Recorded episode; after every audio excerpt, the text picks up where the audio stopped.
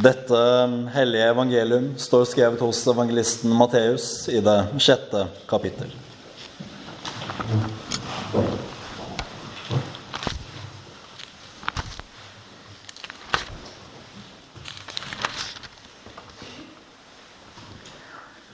Når dere ber, skal dere ikke ramse opp mange ord, like som hedningene, for de tror at de blir bønnhørt når de bruker mange ord. Vær ikke som dem, for deres far vet hva dere trenger til før dere ber ham. Slik skal dere da be. Fader vår, du som er i himmelen. Helliget vorde ditt navn. Komme ditt rike. Skje din vilje som i himmelen, så og på jorden. Gi oss i dag vårt daglige brød, og forlat oss vår skyld, som vi òg forlater våre skyldnere. Og led oss ikke inn i fristelse, men fri oss fra det onde. For ditt er riket og makten og æren i evighet. Amen. Slik lyder det hellige evangelium.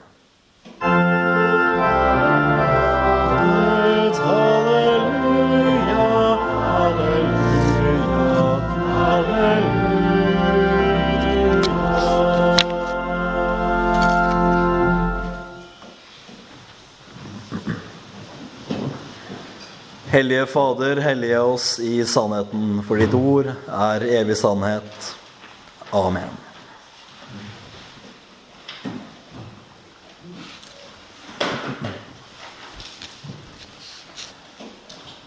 Jeg har tenkt litt på dette at eh, jeg tror bønnens liv, den eh, kristnes bønneliv, er kanskje, og har i alle, fall for, eh, for meg vært, en eh, kilde til stor anfektelse, vil jeg kunne kalle det. Og jeg tror ikke at jeg er så spesiell eller unik at det jeg opplever, er det kun jeg som opplever. Så jeg tror at bønnens liv, det kan for mange kristne, er for mange kristne og har vært for mange kristne på mange måter en kilde til anfektelse, til dårlig samvittighet. Hvorfor? Jo, fordi vi ser at bønn Bønn, samtale med vår himmelske Far, er noe som er både nødvendig og godt. Vi ser at det er noe som man kan høste stor velsignelse fra. Noe som Gud har glede i at vi ber. Likevel så kan vi ofte se og erfare at vårt personlige bønneliv det er kanskje ikke helt der det burde være. Kanskje kjenner vi ikke glede i bønnen. Kanskje viser vi ikke trofasthet eller utholdenhet i bønnen. Og kanskje går det lang tid mellom de gangene vi faktisk ber.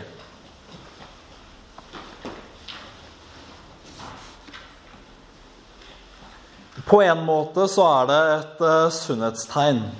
Hvis man nettopp kjenner på denne anfektelsen, denne dårlige samvittigheten, hvis man merker at noe i bønnens liv, i ens egen personlige tro, ikke er helt der det burde være.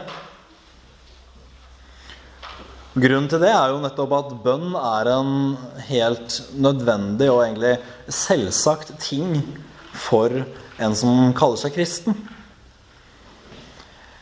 For når vi leser den teksten som vi leste fra Matteus i dag, så ser vi hvordan Jesus formulerer det. Han sier ikke 'hvis' og 'om at' og 'kanskje den ene gangen dere ber'. Nei, han sier 'når dere ber'. Og sånn er det også i de forutgående versene. Når dere ber, da ikke vær som hyklerne.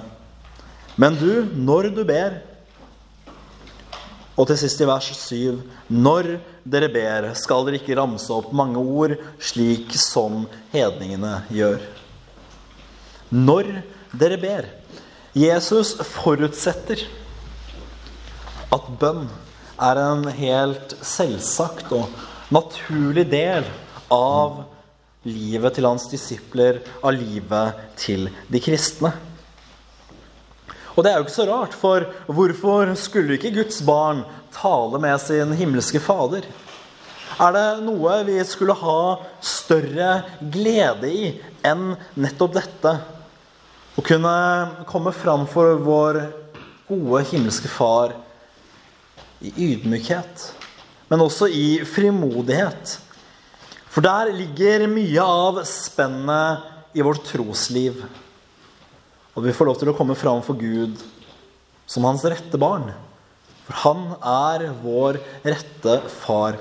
Det er en dyp, for, fortrolig tillit og kjærlighet mellom oss og mellom Gud. Og Samtidig så er denne som vi kaller med rette vår himmelske far, han er også universets veldige Gud, den evige majestet. Den veldige Gud. Han får vi lov til å komme fram for som barn. Så hvorfor skulle det ikke være selvsagt for oss å alltid søke Gud i bønn? Og hvorfor er det, hvorfor er det så vanskelig? Hvorfor er det så vanskelig for oss å be når vi vet hvor godt det er? Hvor selvsagt det skulle være. Og da kan jeg også se på mitt eget liv. Hvorfor er det så vanskelig for meg å be? Hvorfor har jeg ikke stor glede av hver dag å sette av timevis til bønn? Hvorfor gjør jeg andre ting når jeg kunne bedt? For i bønnen så gir vi og får vi. Jeg tror det er godt og sunt og også noe vakkert i det å kunne bare komme fram for Gud og øse ut av sitt hjerte all ens bekymringer, alle ens tanker, alle ens mangler. Men det har vi også Skriftens gode, gode løfter på at den som ber, skal også høres. Og Gjennom bønnesvarene skal vi også velsignes. Men det ligger også noe annet her. Vi er også pålagt å be. Det ligger også gjennom hele Skriften som en tydelig linje. Guds barn, Guds folk, de taler med sin Gud, og bønnen er denne talen. Samtidig så tenker jeg at det er på mange måter viktig å ha for øye at det er ikke budet og befalingen som skulle være det som driver bønnen, men nettopp gleden. Nettopp gleden over å kunne få snakke med Gud, for å kunne tale med Gud og kunne møte Gud i enerom. skulle være naturlig for oss som Guds barn å alltid ville prate med vår Fader. Og jeg tror det er viktig at vi på mange måter sånn sett snur også perspektivet fra bønn som noe som vi må gjøre, over til bønn som noe vi får gjøre. Bønn er en stor gave og velsignelse. Og det er absolutt ikke noe selvfølge at vi i det hele tatt får lov til å be. Bare det at vi i det hele tatt får lov til å nærme oss Gud i bønn, det er en stor nåde. Skulle vi som syndere våge å nærme oss Gud? Skulle vi som feilbarlige mennesker våge å nærme oss Den hellige? Han som er fra evighet av, og vi er bare støv. Skulle vi våge dette? Ja, det skal vi. Nettopp fordi Gud lar oss komme til ham som barn. Ja, vi er skapninger. Og Gud er vår skaper.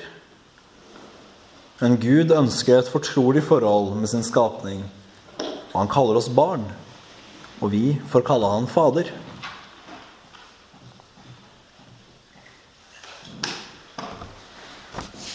Så ser vi også når Jesus lærer disiplene sine Fader vår. Da ser vi også der på mange måter på samme måte som når Jesus innstifter nattverden skjærtorsdag, hvordan han hadde omsorg og omtanke for sine disipler der og da, men også for oss som skulle komme etter, og som lever i tiden som er nå. Hvordan vi i nattverden fremdeles har et rikt og hellig måltid av velsignelse, og hvordan vi i Fader vår fremdeles har den bønn som er best å be.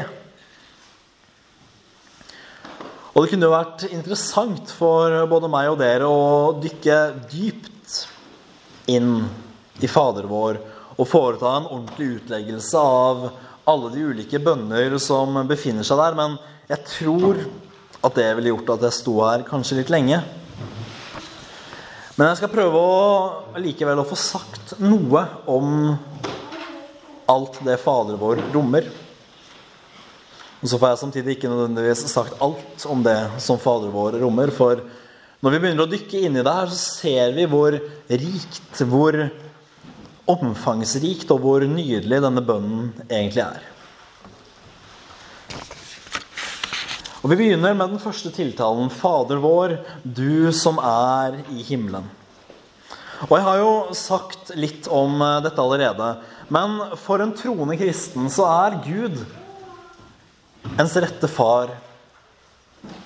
Og den kristne er Guds rette barn. Og det er altså for meg nå sagt på én setning. Én setning med et komma og så en delsetning til. Men altså, det, det, det, er vanskelig i det hele tatt med ord kunne utgrunne denne dype store, fantastiske nåde. At vi som er Guds skapning, vi som gjorde opprør, vi som er syndere, vi som gjorde opprør en gang for lenge siden, og fremdeles med vår ulydighet, med vår gjenstridighet, med vår synd, med våre mangler, med vårt alt, men nesten med hele vår natur Hvordan alt vi på mange måter gjør og sier og tenker, står imot det som er Guds vilje, står imot det som er Guds vesen. Fordi Gud er hellig, og vi er ikke det. Men i troen på Kristus så snus dette fullstendig på hodet. For en troende kristen så er Gud ens rette far. Man settes inn igjen i et nådesamfunn med Gud, hvor man er Guds barn.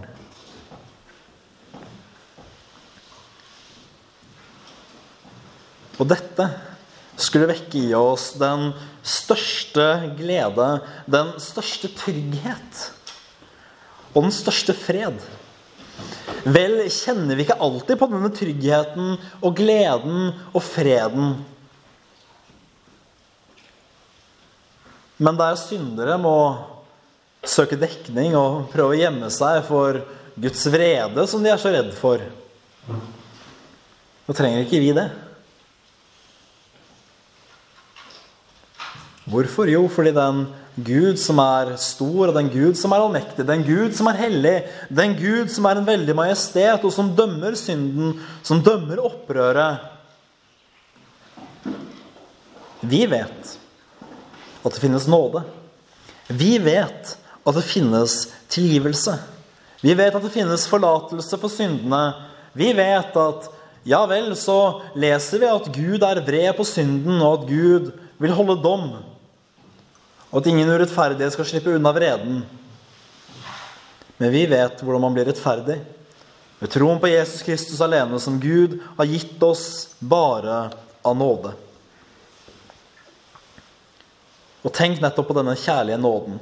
Tenk på denne kjærlige nåden. At vi ikke bare blir satt igjen under tjenerskapet til Gud, men at vi faktisk får det man kaller for barnekår. At vi blir som Guds barn. Vi får kalle oss Guds barn, og Gud vil kalle seg vår far.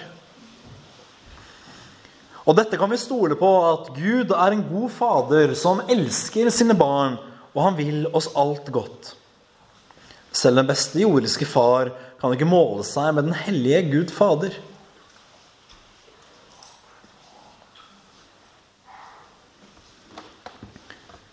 Dette betyr at vi kan komme til Gud med all vår svakhet all vår synd, alle våre mangler. Når vi kommer til Gud for å søke nåde og trøst, når vi kommer til Gud for å søke forlatelse for våre synder, Da kan vi stole på at Gud ikke vil støte oss bort.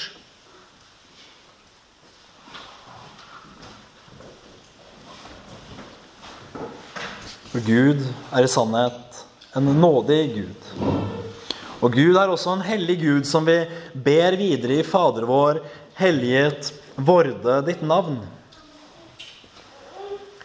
Og Det handler jo om dette enkle at ja vel, Guds navn det er jo i sannhet hellig uavhengig av hva vi gjør, uavhengig av hva vi tenker. Men det skulle minne oss på å holde Guds navn hellig og leve liv som viser at Guds navn, det er hellig også for oss. Det er noe som vi holder hellig. Vi holder dette Guds navn hellig. Fordi vi vet at uansett så er det hellig. Og mer om det, det skal jeg ikke si. Eh, for jeg ser jeg har en sånn ting som gjør at jeg holder tiden. Og det har jo fort gjort at det blir litt langt, for jeg har fremdeles en del jeg skal gjennom. Men vi ber også komme ditt rike. Om at Guds rike måtte komme. Og hvordan vi kan se dette riket når Gud kommer med sin nåde.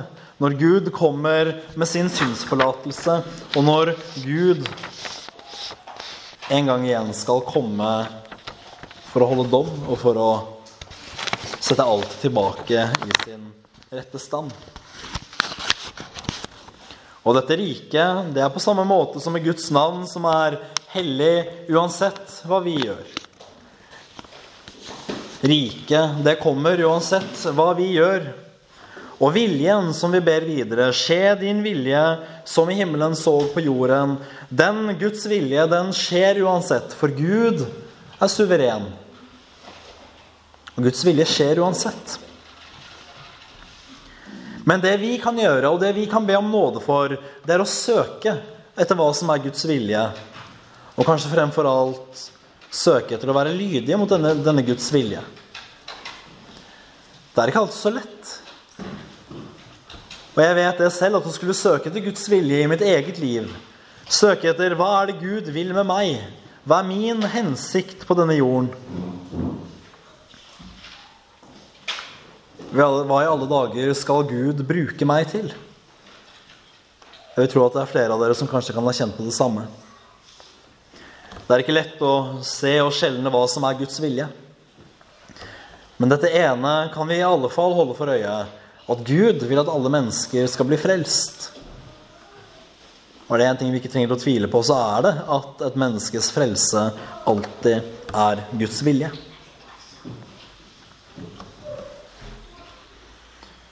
Gi oss i dag vårt daglige brød, ber vi også.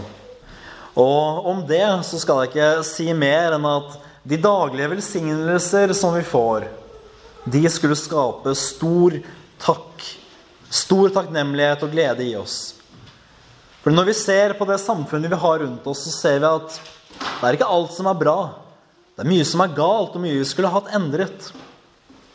Men vi mangler i alle fall ikke det daglige brød. De aller fleste av oss har mat på bordet. Og ja, det er jo overflod. Det neste, det neste bønn i Fader vår er viktigere. Forlat oss vår skyld, som vi òg forlater våre skyldnere. Dette er synderens bønn om nåde. Og denne nåde skal vi få. For Gud har sagt at når vi bekjenner våre synder, så er Han trofast og rettferdig, så syndene blir oss forlatt. Men hvor ofte holder vi framfor oss dette som kommer etterpå, når vi har bedt forlate oss vår skyld, som vi òg forlater våre skyldnere. Hvor ofte tenker vi på det? Hvor ofte gjør vi det? Hvor ofte holder vi fram for oss selv at det å også forlate syndene til de som har syndet mot oss, det er vel så viktig. Hvor ofte lar vi oss ikke selv trekke ned i bitterhet og hevngjerrighet? Hvor ofte ønsker vi ikke å holde fast andres synder nettopp fordi det er mer komfortabelt å baksnakke? Det er mer komfortabelt å være bitter, tror vi. Det er mer tilfredsstillende å være hevngjerrig. Men det er ikke uten grunn at Vår Herre har budt oss å tilgi våre skyldnere. Og han visste vel at det var mange som skulle synde mot oss. Selvfølgelig, vi er mennesker. Vi synder mot Gud, og vi synder mot hverandre.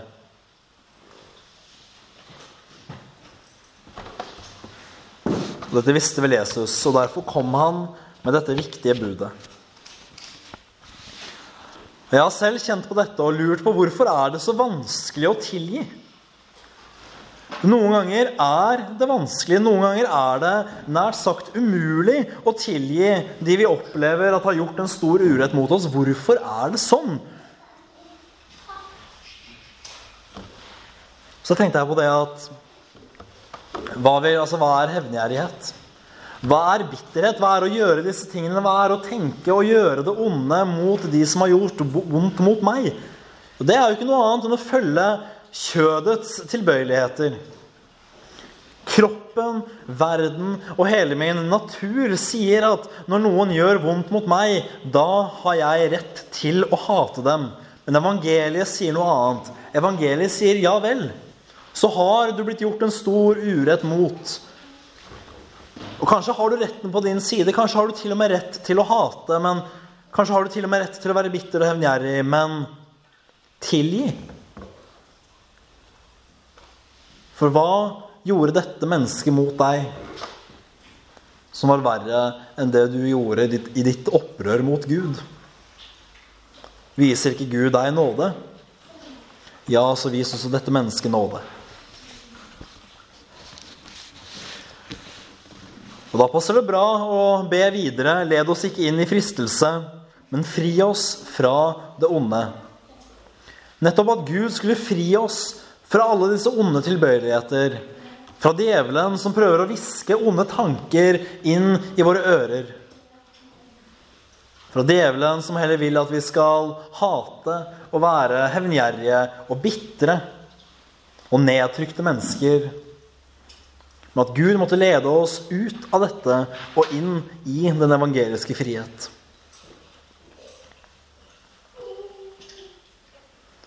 Så avslutter vi For riket er ditt, og makten og æren i evighet. Amen. Og dette er en stor Gud vi har bedt til. Dette er en stor Gud vi har bedt til, og det viser denne avslutningen oss. For riket er ditt, og makten og æren i evighet. Alt tilhører Gud. Riket, makten og æren. Så la oss alltid be, kjære menighet. For i bønnen så ligger det stor kraft og velsignelse. Og det handler jo om nettopp til hvem vi ber. Bønn er i all enkelhet å søke nærhet med Faderen.